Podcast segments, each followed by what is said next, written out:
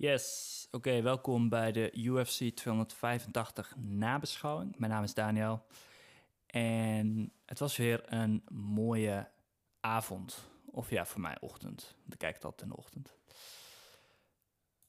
Oké, we gaan dit eventjes nabespreken. Ik ga even de statistieken er natuurlijk ook bij pakken. Ik ga er gewoon gelijk mee beginnen. Maar voordat ik ermee begin, ik ben nu te vinden op Apple, uh, op Apple Podcasts, ik ben te vinden op Spotify, ik ben te vinden op Amazon, ik ben te vinden op Google, ik ben te vinden op Duke, dacht ik. Tenminste, ze waren met mijn uh, verzoek bezig. Dus ik ben op verschillende platformen te vinden. Dus ja, keuze genoeg zou ik zeggen. Uh, mocht je dit nice vinden, geef het even een upvoteje of een sterretje of zo. En maak er mooi van. En zorg ervoor dat. en daarmee help je mij gewoon. zorgen dat we dit. of zorg ervoor dat ik dit een beetje kan uitgroeien, zeg maar. Dus dat, dat zou wel nice zijn. Dus uh, ja, check dat vooral. En bedankt daarvoor als je dat doet. En, uh, maar goed, je bent natuurlijk niet verplicht om dat te doen. En uh, oké, okay, UFC 285 nabeschouwing begint nu.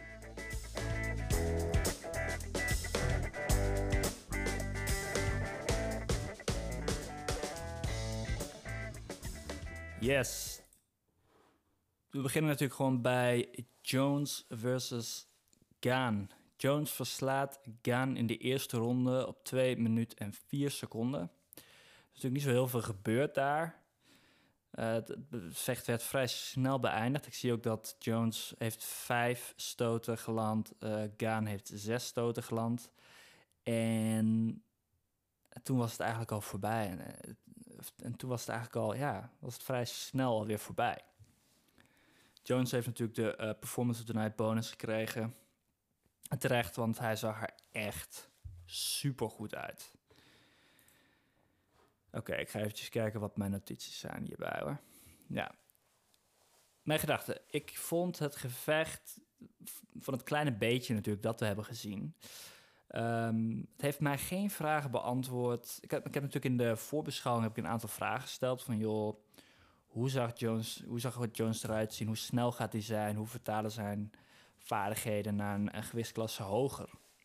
En de vaardighedenvraag is misschien wel beantwoord, maar hoe snel, hoe, wat, is zijn, wat is zijn output vergeleken met zijn tegenstanders? Gaan heeft over het algemeen kan best wel een hoge output genereren. We hebben dat natuurlijk allemaal niet gezien. Dus die vragen zijn nog onbeantwoord. Maar ik vond maar echt technisch goed uitzien. Ik had ook verwacht, hij gaat Gaan naar de grond proberen te halen. En ik hoopte dat hij ook daar het gevecht zou gaan proberen te beëindigen. Dat heeft hij gedaan, dat is gelukt. Dus petje af naar Jones. Fantastisch, fantastisch gedaan. Ik had het ook echt niet verwacht. Maar goed, op een gegeven moment zag ik natuurlijk wel op Discovery Plus, waar ik het kijk. Toen zag ik natuurlijk wel van, oké, het evenement duurt nog ja, een klein half uurtje of zoiets. Toen dacht ik, oké, dan heb je nog de, na, de nabeschouwing van de commentators daar. Dus het zal binnen de vijf rondes eindigen. Dus ik had al wel een idee dat het vroeg beëindigd ging worden. Maar ik had geen idee wie van de twee dat, dat het gevecht ging beëindigen. En het was Jones. En dat vond ik echt heel nice. Want de vorige gevechten van Jones waren nou eenmaal een beetje... Oké, vijf rondes en we blijven staan. We spelen het veilig. En we gaan, eh, weet je wel, het was een beetje je miste af en toe gewoon een beetje die sensatie en die, die pogingen om, om het gevecht te beëindigen zoals hij vroeger in het begin van zijn carrière heel veel deed. Nou goed, gaat dit betekenen dat hij vanaf nu dat altijd gaat doen? Dat weet ik niet. Het kan ook zijn dat dit een, een, een ja, dat, dat, dit gewoon een, een fout van Gaan was, die Jones heel makkelijk heeft weten te benutten. En maar ik weet het nog net zo, net nog niet. Want het punt is...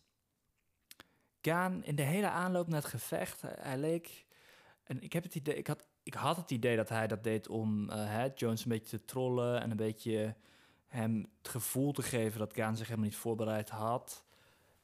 En hij zei ook allemaal dingen van... ja, ik, ik train niet buiten de kampen naar de gevechten toe... en ik ben lui, dit en dat. En ik had het idee dat is sowieso een, een mindgame, hè, weet je wel? Het is sowieso dat, dat spel wat, wat, wat Gaan speelt en Johnson hè, een soort uh, vals gevoel van veiligheid geeft, zodat hij tijdens het gevecht voor een verrassing komt te staan. Nou, dat gevoel had ik heel erg, dat hij dat aan het doen was en heel erg vernuftig. Maar in het gevecht denk ik bij mezelf van, hmm, het lijkt bijna alsof hij geen grap maakte en alsof hij echt lui is en niet heel erg enthousiast was over deze kans die hij had eh, geboden had gekregen.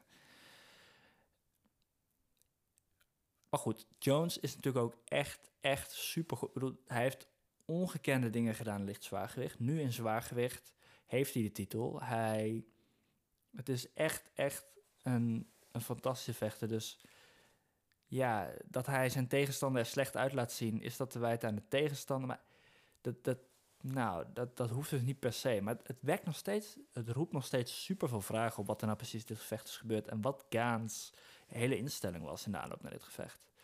Ik vond hem er gewoon niet dynamisch uitzien. Het leek wel alsof hij helemaal niks op de grond getraind had. Hij, wist, hij had echt geen antwoord. Ik had ook niet het idee dat hij er echt uit probeerde te komen. Maar goed, je hebt natuurlijk wel een gast van 120 kilo bovenop je zitten. Dus het zal ook niet heel makkelijk zijn. Maar ik weet niet, het, het gaf me niet veel hoop voor Gaans toekomst, als ik heel eerlijk moet zijn. Vooral als je gasten als Blades, die heb je ook in de top, op top 10 zitten. En ik had graag gewild, dat zei ik ook in de voorbeschouwing. Ik had graag gewild dat Gaan nog ietsje meer ervaring had opgedaan op het gebied van grondtechnieken, et cetera. Hij had twee goede trainingspartners, hè, voormalig kampioen. Um, of, of nationaal kampioen uh, Brazilian Jiu-Jitsu en voormalig nationaal kampioen uh, worstelen uit Frankrijk. Dus aan zijn trainingspartners lag het niet. Alleen hij heeft gewoon, ik heb, denk dat hij zichzelf te weinig tijd heeft gegeven om deze technieken te ontwikkelen. Vooral als je met iemand gaat vechten als Jones, wat gewoon een, een ja, gewoon een hele gedecoreerde uh, vechter is op de grond ook. Ik bedoel, hij heeft Cormier ook naar de grond weten. Weet je, dat zijn van die dingen. Hij trainde nu met Cejudo, dus eh, de grondtechnieken van Jones die gingen sowieso naar voren komen in het vecht. En hoe dat naar voren zou gaan komen, dat wist ik van tevoren niet. Maar ik moet zeggen dat het me niet heel erg verbaasde dat eenmaal naar de grond ging, het ook vrij snel beëindigd was. Dus ja, teleurstellend voor Gaan. Super voor Jones. Ja, is, voor mij is het eigenlijk heel duidelijk van wie is nu de beste alle tijden. Op dit moment zeg ik absoluut John Jones is de beste vechter, mixed martial arts vechter aller tijden. Hij doet dingen die niemand anders doet. Hij is echt. Het, het, als je ook bijvoorbeeld nadenkt over het. Nog even helemaal, wat ik nog even helemaal links laat hier, is het feit dat hij de meeste titelverdedigingen binnen de divisie alle tijden heeft. Hè? Volgens mij heeft um, Demetrius Johnson heeft de meeste titelverdedigingen op, op één rij, elf. Maar Jones heeft de meeste titelverdedigingen op, in totaal, volgens mij. Maar die heeft ze natuurlijk niet in, in één reeks. Die heeft, er zaten onderbrekingen uh, bij. Maar goed, dat nog even links laten. Hij heeft nu een titel in een tweede divisie. En we hebben onlangs gezien hoe moeilijk het is. Ik bedoel, Volkanovski, absoluut een van de beste vechters aller tijden. Die kreeg het niet voor elkaar. Adesanya, ook een ontzettend goede vechter, die kreeg het ook niet voor elkaar. Nou, er zijn gasten die proberen. En dat zijn mensen met echt ontzettend goede vechters die proberen en die, die halen dat niet. Dus dat Jones het wel doet, is, ja, is gewoon een hele prestatie. Ongeacht de, performen, uh, de prestatie van Gaan, uh, wat daarmee aan de hand was. Ik heb het idee dat Jones hier dingen heeft gedaan die nog niemand anders ooit eerder heeft gedaan. En dat, dat maakt het fantastisch. Goed, ik kan er dus niet zo heel veel over zeggen. Ja, ja, wat ik ook nog vind, Jones heeft niet geprobeerd te winnen. Hij heeft geprobeerd te domineren en hij is daarin geslaagd. En dat vind ik echt, dat was natuurlijk een hele grote vraag in de aanloop naar dit gevecht. Van hoe gaat Jones eruit zien? Gaat hij weer proberen die punt? Nee, nee, nee, nee. Hij hier echt te domineren en dat is gelukt. Ik moet zeggen, ik vond hem in die twee minuten voordat het gevecht beëindigd werd, vond hem op staand, vond ik hem er niet super snel uitzien. Jones kon namelijk op licht zwaargewicht staand echt heel ja, gewoon hij maakte snelle draaien, bla bla bla. En nu vond ik dat niet zozeer. Maar goed, we hebben, ik heb nog niet genoeg gezien om, te zeggen dat, om dat met zekerheid te kunnen zeggen.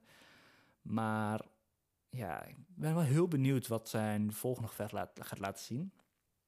Het zal natuurlijk versus eh Miocic worden, waarschijnlijk in juli. Heeft Miocic eh, eerder bevestigd. Ja, heel eerlijk, ik ga eens heel even Miocic erbij pakken. Want het punt is ook, en heel eerlijk ben ik niet super enthousiast voor dat gevecht. Ik vind het is een goed gevecht, dat begrijp ik niet verkeerd. Miocic is absoluut een van de beste zwaargewichten aller tijden. Alleen, Miocic is inmiddels, ga ik even kijken, ja, is inmiddels 40 jaar. Nou, zwaargewicht, leeftijd ligt wat hoger. Eh, hè, de, de, de vechters kunnen pieken bereiken tussen de 35 en 40 in. Ik bedoel, Cormier vocht ook nog voor een titel op zijn 40ste. Won niet, maar hij vocht er wel voor mij. Hij won, won er wel in op zijn 39 volgens mij. Dus het is mogelijk. Maar Miocic is 40, Jones is 35. Dus dat is, dat is al een, dat is een flink, flink verschil. Ik had het misschien één of twee jaar eerder willen zien. Maar goed, het gaat een, het gaat een uitdaging worden. Het gaat ook een, een leuk gevecht worden, een groot gevecht worden.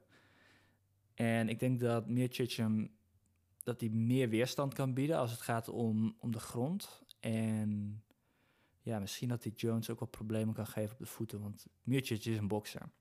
Die heeft toen eh, vroeger in, eh, eh, in een amateur in een amateur box.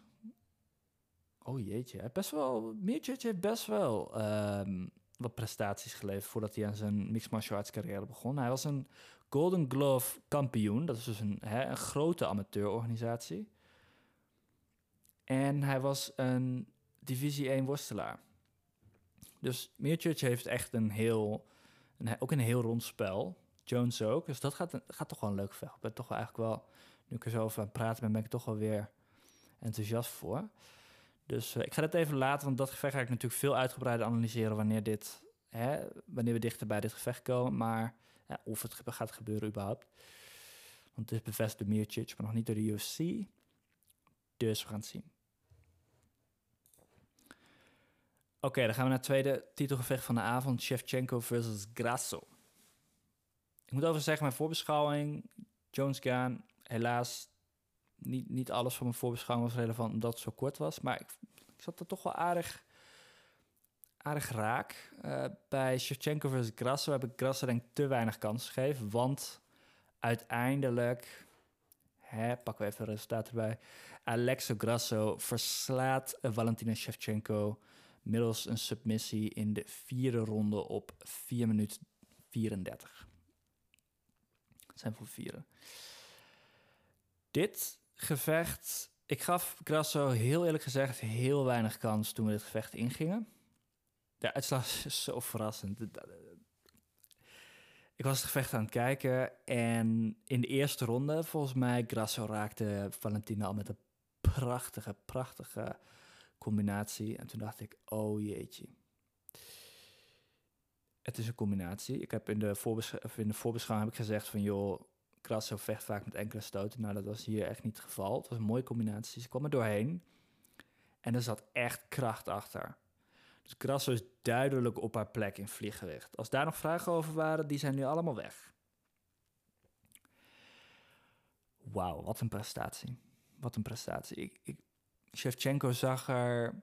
Na de eerste ronde ging ze naar de stoel. En ik dacht van mezelf, oh, dit is helemaal niet hoe ik Shevchenko normaal in, op haar stoel zie zitten. Normaal zit Shevchenko op haar stoel en nog steeds vol vertrouwen, luistert naar de coach. Maar ze zag er nu echt, misschien was het de hoek, daar zag ik ook nog aan te twijfelen, maar ze zag er nu echt bij. Ik, ik vond haar gewoon verslagen eruit zien. Ik heb ook in mijn notities staan tijdens het gevecht. Gaat ze verliezen? heb ik in mijn notities gezet. Ze straalt geen zelfvertrouwen uit. En misschien was dat in de, in de pauze na de tweede ronde trouwens. Maar het, het zag er gewoon niet goed uit. En al na die combinaties dacht ik... Oh jongens, dit... Grasso ziet er echt heel goed uit. Het was niet zo dat, Valent- Shevchenko er slecht uitzag. Het was, Grasso zag er echt heel goed uit. Maar goed, toen werd Grasso een paar rondes naar de grond gehaald. En ook al kon Shevchenko daar niet heel veel doen... Ik vond dat ze daar wel eh, fatsoenlijk werk neerzet eh, aan het... Aan het ik vond dat ze dat gewoon wel fatsoenlijk aan het werken was. Nou, wat gebeurt er dus? Volgens mij was het in de derde ronde. Hij had scheids... Shevchenko landt een elleboog volgens mij. En de scheids zegt, joh, uh, inactiviteit, opstaan allebei. Ik dacht, nou... Eerder op de avond gebeurde dat ook een keer. En toen vond ik het oké. maar dit was echt onzin. Shevchenko was actief. En dit sloeg helemaal nergens op. Het was echt bullshit. En ze hebben haar echt veel te snel eraf gehaald. Ik vond het ook echt, vond het echt onzin. Ik werd ook echt geïrriteerd van. Ik dacht, ja, ze nou, nou, staan ze veel, nou staan ze dus weer. Daar waar Shevchenko eh, flinke stoten in het gezicht krijgt de hele tijd. Terwijl ze gewoon actief was op de grond. Dus dat was echt, dat was echt een, een nice streek, vond ik. Maar goed, daar eindigt het natuurlijk niet. Want het eindigde in de, dan moet ik even de goede, vierde ronde. Dat was volgens mij de derde ronde. Dus, oké, het eindigde niet. Uh, volgens mij haalde Shevchenko haar daarna ook nog naar de grond. Dus dat was niet zo ramp. Maar ik vond het wel, ik merk wel dat ze daar ietsje... Volgens mij was het Herzog, de scheids, die daar was iets te, iets te rap mee. En vierde ronde... Ja, wat gebeurde daar nou precies? Dit is, nou, dit is dus het punt. Shevchenko die gebruikt haar spinnende bewegingen vaak vrij effectief op het moment dat ze in het midden van de, van de octagon staan. Hè? Op het moment dat je in het midden van de octagon staat en zij maakt een spinnende beweging naar het lichaam, dan, ja, dan, dan wijkt, dan, dan beweegt haar tegenstander natuurlijk een stuk naar achter. En dan kan Shevchenko daar tegenaan worstelen tegen de, tegen de nou, wat dan ook. Maar goed, op het moment dat zo'n spinnende trap dan mist, dan sta je in het midden van de octagon en dan kun je nog weer uit, ja, uit de weg gaan van je tegenstander. Maar nu misten ze de spinnende beweging en stond ze dus eigenlijk in een hele nadelige positie na Grasso. Grasso maakt er heel handig gebruik van, is super snel. Die springt op rug. En ja, Grasso, ik zou ook aan de voorbeschouwing, is een bokser met submissies op haar, uh, in haar statistieken. En ja, ik heb niet. Grasso hoefde Shevchenko niet eens naar de grond te halen met een worp, nee, of een tackle, whatever. Het was gewoon. Ja, ze, ze hoefde alleen maar een nadelige positie te geven. Grasso springt op de rug en wurgt er. En het ging snel, maar goed, je zag ook wel. Ik heb daarna nog een foto gezien. Je zag echt toen de scheidsrechter gestopt had. Je zag echt zo'n witte streep op de kin zitten van Shevchenko. Dus die wurging was echt, die zat er echt super strak omheen. en ik dacht op zich nog bij mezelf, kijk, als het op de kin is en niet om de nek, want als, als zo'n naakte verwerking om de nek heen zit, dan is het voorbij. Maar hij zat op de kin. Ik dacht misschien dat Shevchenko, want er zaten volgens mij niet zo heel veel seconden meer in de ronde. Misschien dat Shevchenko deze super oncomfortabele, oncomfortabele positie uh, nog heel eventjes kan doorstaan. En dan volgens gaat de bel en dan kan ze naar de vijfde ronde misschien nog een beslissing eruit squeezen, knijpen. Maar nee, uh, dit was echt, echt een strakke verwerging. Dat was ook te zien. En Grasso heeft fantastisch gevochten, fantastisch gewonnen. En het doet me echt een klein beetje denken aan dat uh, Peña versus uh, Nunes gevecht, hè, waarbij Peña de wereld choqueerde en Nunes versloeg. Nu zie je dus Grasso, mensen gaven van tevoren weinig kans. Grasso weet, weet te winnen. En um, ja, en choqueert ook de wereld hierbij. Derde Mexicaanse kampioen, by the way. Uh, heel erg, heel erg belangrijk voor de UFC. Ik denk dat Dana White ook super blij is met het resultaat. Omdat hij gewoon een, een evenement in, in Mexico kan vullen. En, en daarmee dus een uh, hebzuchtige broekzakken ook mee kan vullen. Maar Grasso heeft echt iets fantastisch gedaan. En het verschil tussen dit en het Peña Nunes gevecht is dat Peña Nunes was. Ik had het idee dat Nunes heel erg snel ja, hoe ga ik dit nou zeggen? Wat is nou precies het verschil? Ik had het idee dat. Ik had het idee dat Nunes daar gewoon niet kon opdagen. En hier had ik niet het idee dat Shevchenko niet kon opdagen. Ik had het idee dat Shevchenko volledig aanwezig was, maar gewoon niet in staat was om Grasso uit te vogelen op de voeten. En dat dat absoluut haar probleem was. Zat, uh, de worsteltechnieken waren ook niet altijd even effectief. Dus vandaar dat. Wauw, dat is echt, echt, echt super spannend, dit gevecht. Ja, dat is echt. Um, Dat is echt mooi. Ik was ook echt wel blij voor Krassen. Je zag haar helemaal overstuur. En ik denk dat de rematch gaat gebeuren. Ik weet echt niet hoe de, de herkansing gaat voor Shevchenko. Ik kan me voorstellen dat ze zich weet aan te passen en dat ze hè, het tweede gevecht gaat winnen. Goed, Grasse zag er echt goed uit. Dus ik geef Grasse een grotere kans dan dat ik Peña gaf in de herkansing met uh, Nunes. Oké, ik, um, ik ga nog even naar de andere gevechten ook, want dit was ook fantastisch. Neil versus Rachmanov.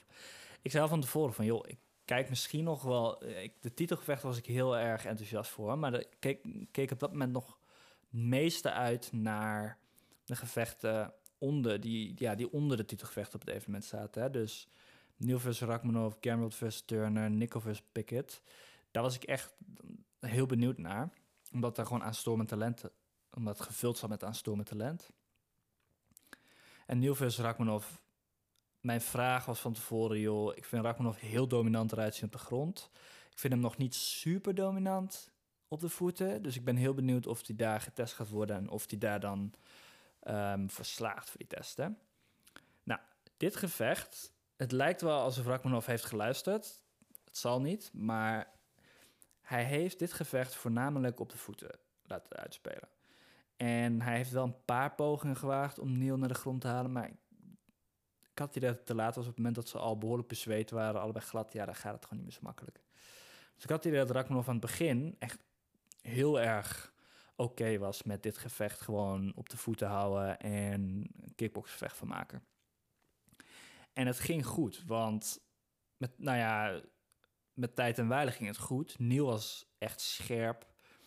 Hè, die kwam natuurlijk wel vijf pond zwaarder binnen. Want die had het gewicht gemist. Die geeft 30% van zijn, uh, ja, zijn inkomen die avond geeft hij aan, aan. Maar dus Neil was zwaarder. En zag er ook echt wel wat, wat vocht, meer vocht op het lichaam, meer vet op het lichaam. Dus je zag dat hij echt wel wat groter was. En ja, je zag Neil echt door de beschutting van Rachmanov heen komen. Toen dacht ik bij mezelf, oh shit Gaat, gaat Neil winnen hier? Wordt degene die onverslaanbaar is, is gebleven de afgelopen tijd, wordt diegene nou verslagen? Gaat dat gebeuren? Dus ik zat echt op het puntje van mijn stoel. En mijn vriendin zat beneden tegenover mij aan, aan, tafel. En die zat echt zo van... Maakte het allemaal geluiden. En wat gebeurt? Ik zei, ja, ik, dit, dit gevecht is zo spannend. Dus ja, het ging heen en weer, het ging heen en weer. Ik dacht bij mezelf, ik weet niet wat hier gaat gebeuren. Een van de twee gaat zo neer. En het was super competitief. Kickbox afstand bleef het. Neil was, zag er echt goed uit. Neil zag er echt heel goed uit. Stond echt zijn mannetje met Rakmanov op de voeten. Uh, maar Rakmanov was ook... Ik vond echt, hij bleef, hij bleef staan. Uh, hij werd af en toe echt flink geraakt. Ik had ook het idee dat hij paar keer niet helemaal aanwezig was na, na een paar stoten van Neil. En nou ja, ja, applaus voor hem, want hij bleef staan, hij bleef cool en hij wist te winnen. Dus Rakhmonov heeft precies gedaan wat ik hoopte. Hij kan staan met de beste in de divisie. Dus we zien nu dat hij een hele dominante grond, een heel dominant grondspel heeft. En dat hij kan staan met de beste in de divisie uh, op de voeten. Ja, staan op de voeten is natuurlijk goed. Dus, nice. Dat, dat was, dat was, dit heeft het een en ander uitgewezen. Maar, Rakmanov is niet onverslaanbaar de voeten. Nee. Dus op het moment dat daar iemand langskomt, die kijkt naar dit gevecht met, van Neil versus Rakmanov, die kijkt ernaar, die, die, die ziet hè, die ziet wat zwakke plekken van Rakhmonov. Op het moment dat hij iemand is die dat kan uitbuiten, zoals Neil eigenlijk ook heeft uh, gedaan gisteravond, dan kan het nog wel eens problemen gaan vormen. Ja, vooral iemand die. Ja, de, timing, de timing moet gewoon precies goed zijn, want Rakhmonov die rolde goed mee met de stoten van Neil. Dus ja, hij werd al geraakt, maar het was niet zo alsof. Het was niet alsof zijn kin en een stoot volledig tegen elkaar inbeweegt, weet je wel. De, de kin ging meestal een beetje, bewoog meestal een beetje mee, of de kin of het hoofd, whatever, bewoog meestal een beetje mee met de stoot. Dus dat was, dat was mooi. Daarmee heeft hij zichzelf ook beschermd tegen een, een potentiële KO.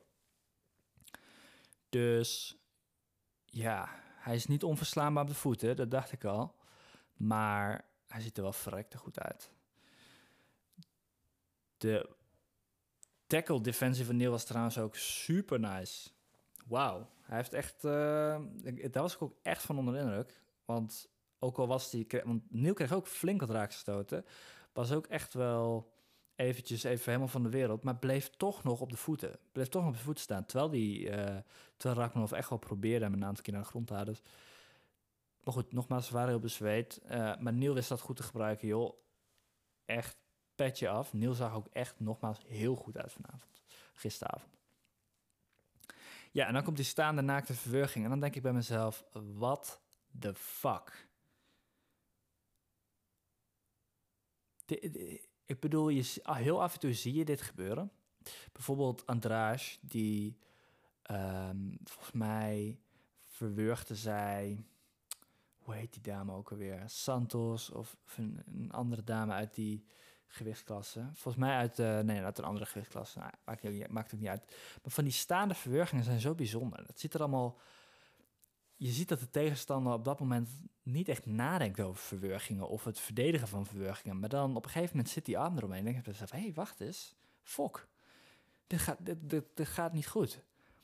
En, en dan is het al te laat. Dus, holy shit, die verwerging van Rachmanov was echt, was gewoon echt, nou, vond ik heel bijzonder.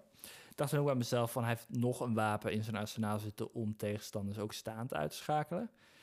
Weer heel bijzonder, zijn perfecte statistieken blijven nog steeds intact. Hij heeft nog steeds al zijn tegenstanders uitschakeld. En alles gewonnen, uiteraard. Dus prachtig gevecht. Prachtig gevecht. En terecht, Fight of the Night. Heel terecht. Ik had het ook in mijn notities gezet tijdens, tijdens het kijken van het gevecht. Dat ik dacht, dit wordt denk ik Fight of the Night. Ook omdat het gewoon heen en weer, heen en weer, heen en weer. Dat, dat, is, dat wil je zien in een gevecht. Een competitief, goed gevecht. Waar beide kansen krijgen. En waarbij er een, een, absolute winnaar wordt gekroond. Nou, had alles. Oké, okay, Gamrot versus Turner.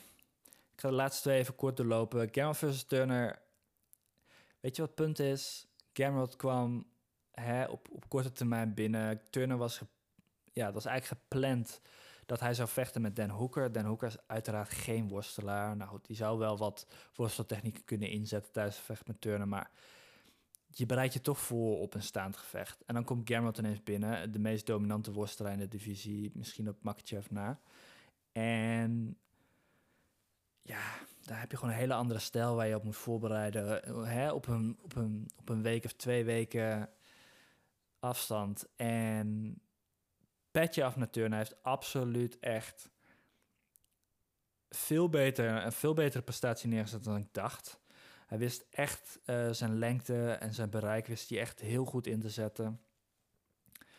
Um, je zag ook de beentrap van Gamrot om de beweging van Turner weg te halen de beentrappen landen. En daar moet hij Turner ook echt wel voor oppassen in de toekomst. Want zijn benen zijn echt heel tenger. En ik denk dat een paar trappen van iemand als Gaethje bijvoorbeeld... Um, ja, dan, dan loopt, dan staat hij niet meer. Dus daar moet hij wel echt voor uitkijken. Maar Turner weet dus echt zijn bereik heel goed gebruiken. En wat grappig was, is op het moment dat... Volgens mij in de eerste ronde... Cameron haalde Turner naar de grond. En je zag Turner en ik was juist bang dat zijn lange lichaam dat dat het moeilijk zou maken om op te staan uh, na, een, hè, na een worptechniek en dat ze hem op de grond zitten. Maar je zag Turner dus zijn lange armen gebruiken als een soort tarantula. Hij, zijn bijnaam is volgens mij ook uh, tarantula, dus dat is nice. Maar hij, hij, leek echt... Wauw, hij maakte echt zijn bijnaam maakte hij echt wel waar. En ik vond het echt super nice te zien hoe hij zijn handen toen gebruikte om naar, de, naar het hek te gaan. En ja, super nice. En ja, hij weet dat gewoon echt goed te gebruiken. dus hij is super lang voor de divisie. Hij weet het te gebruiken. Dus die jongen kan het zomaar dus heel ver gaan schoppen. Hij is ook nog vrij jong, volgens mij 27 of zo. Dus ja, hij heeft de, de fysieke karakteristieken van een, van een kampioen. Maar hij moet het nog eventjes samen zien te brengen. Maar goed, hij heeft gisteravond wel gevochten tegen... Pardon. Hij heeft gisteravond wel gevochten tegen een van de beste worstelaars in de divisie. Dat was een goede test. Hij is er bijna doorheen gekomen, want dat is een split beslissing uiteindelijk. Een gesplitte beslissing vanuit de jury. Dus ja, super goed gedaan. Maar goed, Cameron heeft gewonnen. En ook absoluut Cameron, shout-out naar hem. Want ik bedoel, die gast um, heeft dit er ook uitgesqueezed in een, uh, of uitgeknepen in een korte, in een korte tijd. Hè. Die heeft natuurlijk ook maar een paar weken tijd gehad om zich voor te bereiden. Heeft dan gewicht moeten verliezen. Hè, heeft zich ook moeten voorbereiden op, op een tegenstander die, ja, hoe, hoe bereid je daarvoor, weet je wel? Dus ja, allebei hebben ze gewoon, uh, ja, dat kan ik alleen maar prijzen. Alleen ja, ik vond het gewoon, ergens wilde ik toch dat Turner ging winnen, omdat ik, ik vond, ik vind zijn stijl heel, heel mooi om te zien. Ik ben ook heel benieuwd wat hij met zijn, wat voor problemen hij kan creëren voor de lichtgewichtdivisie. En ja, je ziet het gewoon in dit gevecht. Je ziet, hij kan echt veel problemen creëren. Ook voor worstelaars. Dus ja, Gamrot probeerde crucifix-positie, uh, kon dat niet benutten. Dus ik vond de defensie op de grond van Turner vond ik ook echt verrassend goed. Ja, hij had alleen wat actiever moeten zijn. Ik denk als Turner in de laatste ronde wat actiever was geweest, dat hij dan de beslissing in zijn voordeel had kunnen krijgen vanaf de jury. En ja, het, kon beide kanten uiteindelijk op gaan, want ik vond de schade was misschien wel meer aan de kant van Turner. Maar als je ik denk als je de cijfers gaat bekijken, misschien kan ik dat wel even doen trouwens. Het was natuurlijk wel misschien een beetje een controversiële beslissing, maar ik had er eigenlijk zelf helemaal geen probleem mee. Even kijken wat we hier hebben. Ja. Dus ronde 1. Turner meer uh, significante stoten geland dan Gamrot. En ronde 2 Turner weer meer stoten geland in ronde 3. Ja, alle, alle rondes heeft hij meer stoten geland. Maar ja, in ronde 1 is Turner naar de grond gehaald. In ronde 2 is Turner twee keer naar de grond gehaald. En in ronde 3 is Turner drie keer naar de grond gehaald van de vijf pogingen. Dus ja, je ziet daar wel een opstapeling aan, aan worptechnieken en, en, succesvolle worptechnieken die Gamrot ingezet heeft tegen Turner. Dus ja, en uiteindelijk telt het wel, want Cameron ligt op de grond, hij landt stoten. Turner is, is bezig met defensie, maar kan op dat moment ook niks landen. Dus ja.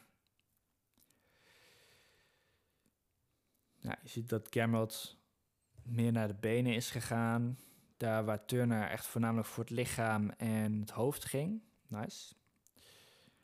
Dus ja, het uh, was, was een leuk gevecht. Ik vond het ik had alleen, ik had alleen graag gezien wanneer Turner en Gamrot, zowel Turner als Gamrot, meer voorbereiding had gehad. Dus hopelijk uh, zien we dat in de toekomst misschien nog een keertje. En dan hebben we tot slot Bonico versus Pickett. Nou, ik moet nog een keer, dit moet ik eigenlijk nog een keertje terugkijken. Want ik had het idee dat Nickel inderdaad tijdens het gevecht een knie landde tegen de zak van Pickett. Pickett keek heel pijnlijk en ah. En toen haalde Nickel naar de grond. Nou ja, toen landde hij op zijn rug. En Nickel liet vaardigheden zien, maar zag, oh joh, hij zag er echt groen uit op bepaalde opzichten. Ik, ik kan het niet beter, hè. Maar goed, ik ben vanuit, vanuit bui, ik ben een buitenstaander en ik mag hier mijn reactie op geven.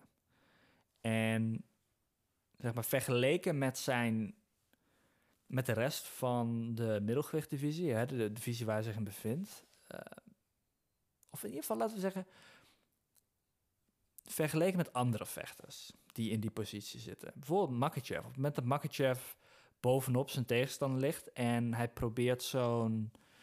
Uh, hij probeert die druk te creëren. Die schakelt zijn tegenstander daar heel snel mee uit. Hij heeft Dober daarmee uitgeschakeld, volgens mij. Hij heeft en nog iemand anders, uh, Oliveira daarmee uitgeschakeld. Dus die die wurging is heel legit.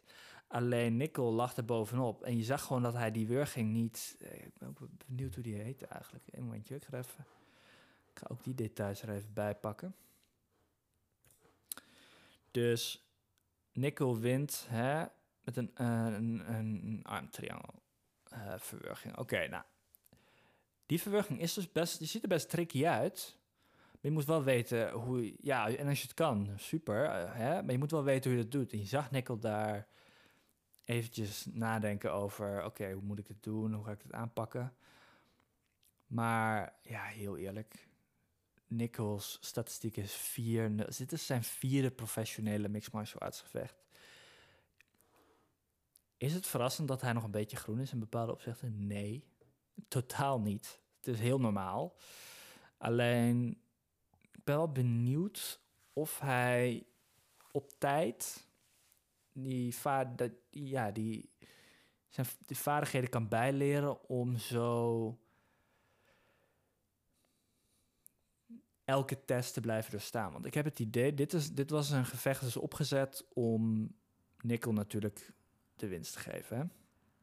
Want Pickett was niet de tegenstander die de laatste tijd um, ja, de meeste prestaties heeft neergezet. Dat was absoluut niet het geval. Maar Nickel zit tijdens zijn debuut al gelijk op een pay-per-view, uh, pay-per-view evenement op, ja, op het, in het hoofdevenement, om het zo maar even te zeggen, hè, de main card. Super veel druk staat er op hem. Dus het is ook oké dat hij niet de, de, de meest gedecoreerde tegenstander tegenover zich krijgt meteen. Dat zou echt belachelijk zijn. Maar ik heb, als jij al zo'n positie op het evenement krijgt, dan heb ik niet het idee dat je, dat je heel veel ruimte krijgt om, om je te ontwikkelen. Omdat je, ja, je tegenstanders gaan, ik denk dat hij vrij rap hogere niveau tegenstanders uh, gaat krijgen. En stel hij wint 4, 5, 6 keer, dan ga je hem al een top 15, misschien wel eerder zelfs, een top 15 tegenstander krijgen. Vooral als hij zijn tegenstander blijft uitschakelen in de eerste ronde. En misschien is het dan terecht, maar je wilt Nico eigenlijk eerst een keertje in moeilijkheden zien voordat je hem naar hoge in, in de top 15 ziet vechten. Dus ik hoop dat hij zeg maar genoeg weerstand krijgt van tegenstanders op lager niveau, zodat hij da daarvan kan leren en zodat er bepaalde pijnpunten worden, ja, worden blootgesteld, zodat hij daaraan kan werken en beter kan worden, in plaats van dat hij overal doorheen walst en dat op een gegeven moment een keertje tegen een hoog niveau tegenstander uh, vecht. En dat diegene dan zo, bijvoorbeeld een Whittaker, die, die gaat zoveel problemen blootleggen voor Nickel op dit moment. Dat, dat wil je gewoon niet. Dat zou zonde zijn. Ik bedoel, hij is nog jong, hij heeft superveel potentie. Iedereen is heel erg benieuwd naar wat, of hij het gaat maken, ja of nee. Dus ja, ik hoop uh, dat ze hem niet te veel... Ik hoop dat ze hem gewoon niet te snel um, ja, afschieten naar, naar de top van de divisie. Oké. Dat was het evenement. Ik ga de prelims niet toelichten, want ik zit op 37 minuten. Ik wil het ook eventjes uh, afsluiten hierbij. Uh, hou vooral uh, de pagina's die ik heb genoemd aan het begin van deze, um, van deze nabeschouwing even de gaten hebben. Apple Podcast, Spotify, noem maar op. Bijna overal te vinden. Ik ga binnenkort dus... Ik heb eerder al gezegd, joh, ik ga een John Jones vechtsanalyse posten. Dat heb ik niet gedaan, daar heb ik gewoon geen tijd voor gehad. Maar wat ik nu heb gedaan, die ik al bijna af, is de Justin Gaethje vechtersanalyse. Justin Gaethje gaat vechten op UFC 286. Dus wat ik heb gedaan is, ik heb al zijn UFC-gevechten bekeken. Oh. Ik heb al zijn UFC-gevechten bekeken. Tien stuks. Ik heb ze allemaal geanalyseerd. En ik ga gewoon hem als vechter compleet opbreken en toelichten. En uh, ja, ik hoop dat dat waardevolle informatie is. Tot nu toe ben ik al best wel, best wel benieuwd naar, naar deze vechtsanalyse. Want ik heb, ik weet niet, ik ben, ben zo naar zo'n vecht aan het kijken. En op een gegeven moment denk je, oh, dit is ook vet. Oh, dan hoor ik een interview en denk ik, oh, wow. Dat zijn achtergrond en zo. Dus ik vond het zelf echt super vet om het op te nemen. En ik hoop ook dat dat, um, ja, dat, dat ook naar voren gaat komen in de vechtsanalyse opname zelf. Maar die heb ik bijna af. Die ga ik waarschijnlijk over een weekje of zo uh, plaatsen. En dan daarna komt het uiteraard ook de UFC 286 voorbeschouwing. Dus kijk daar ook naar uit. En uh, ja, dan zie ik jullie de volgende keer. Joep.